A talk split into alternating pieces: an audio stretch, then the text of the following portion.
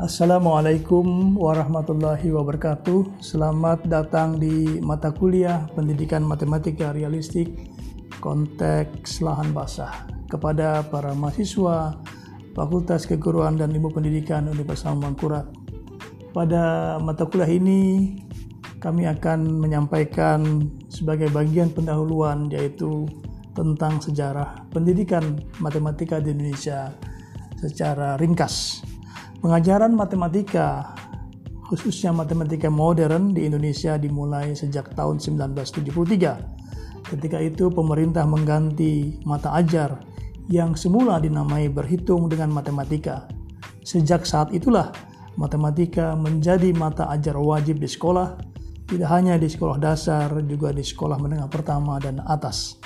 Sebenarnya, sebelum 1973, sekolah-sekolah di Indonesia sudah mengajarkan matematika sebagai warisan pendidikan kolonial Belanda.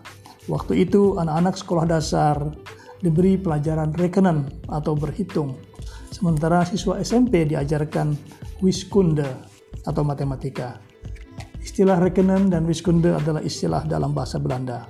Pengajaran rekenen dan wiskunde berlangsung hingga tahun 1963 pada masa pemerintahan pendudukan Jepang, istilah-istilah dalam pendidikan diubah ke dalam bahasa Indonesia.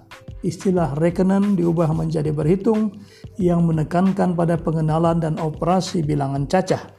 Sementara itu, istilah wiskunde diterjemahkan menjadi ilmu pasti. Pelajaran ilmu pasti terdiri atas dua bagian, yaitu aljabar dan ilmu ukur.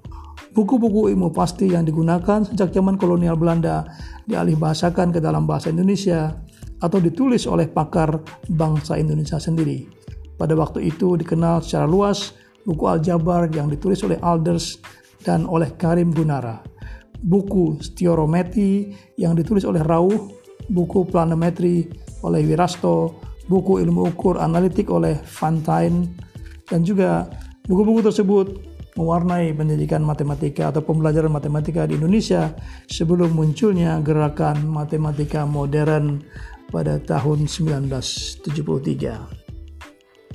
Menurut catatan Robert Sembiring dan Sujadi, perubahan dari matematika tradisional ke matematika modern adalah sebuah revolusi Perubahan itu meliputi cakupan materi yang sangat luas seperti himpunan, peluang, statistik, vektor matrik, logika matematika, relasi dan fungsi, basis bilangan, selain 10, program linier, dan sistem numerasi. Sementara pembelajaran menekankan kepada pengertian dari sebelumnya yang menekankan kepada hafalan dan berhitung cepat. Penerapan mata ajar matematika di sekolah tidak berjalan sendirinya. Pemerintah telah melakukan berbagai usaha untuk menjamin keberhasilan penerapan tersebut, seperti penyediaan buku ajar, pelatihan guru, penyediaan media, dan alat peraga. Buku ajar matematika yang digunakan di Indonesia diterjemahkan dari NTB Mathematics Series. Seri buku tersebut disesuaikan dengan konteks Indonesia, namun terbatas pada gambar-gambarnya saja. Hal itu merupakan salah satu kekurangan dalam penerapan matematika modern di Indonesia. Kelemahan lainnya adalah yang pertama dikerjakan adalah buku siswa, bukan buku guru. Kelemahan ketiga, geometri yang diajarkan di SD adalah geometri Euclid, sedangkan yang diajarkan di sekolah menengah adalah geometri transformasi bersama geometri Euclid. Kekurangan lainnya, ketepatan, keketatan, dan kecermatan bahasa, simbol, lambang, dan konsep bagi anak-anak menjadi masalah. Sebagaimana kita ketahui di banyak negara, gerakan matematika modern akhirnya ditinggalkan. Di Indonesia, matematika modern juga mendapat kritik dan tantangan. Oyong Swargana adalah salah seorang penentang penerapan matematika modern di Indonesia. Menurutnya, pengajaran matematika di SD harus tetap menekankan pada berhitung seperti yang telah diterapkan sejak lama. Jadi walaupun sekolah di tanah air sudah menerapkan memiliki pengalaman cukup lama dalam menerapkan mata ajar ini, ternyata hasil yang dicapai masih jauh dari memuaskan.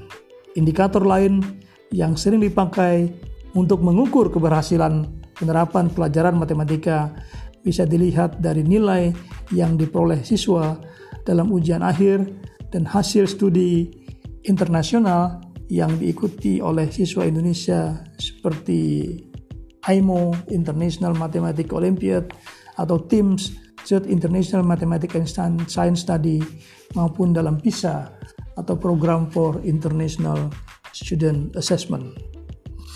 Kalau kita bertanya kepada siswa tentang mata ajar yang paling tidak disukai, sebagian besar akan menjawab matematika. Mata ajar matematika telah menjadi momok bagi sebagian besar anak sekolah. Ia seperti hantu yang menakutkan. Mungkin hal itulah yang menjadi salah satu sebab mengapa capaian belajar matematika siswa Indonesia selalu buruk. Berdasarkan pengalaman tersebut, maka sejumlah pakar pendidikan matematika dan pakar matematika di Indonesia mencari alternatif lain untuk meningkatkan proses dan kualitas pembelajaran matematika di tanah air. Oleh karena itu muncullah gagasan untuk menerapkan pendidikan matematika realistik yang pertama kali dikembangkan di negeri Belanda.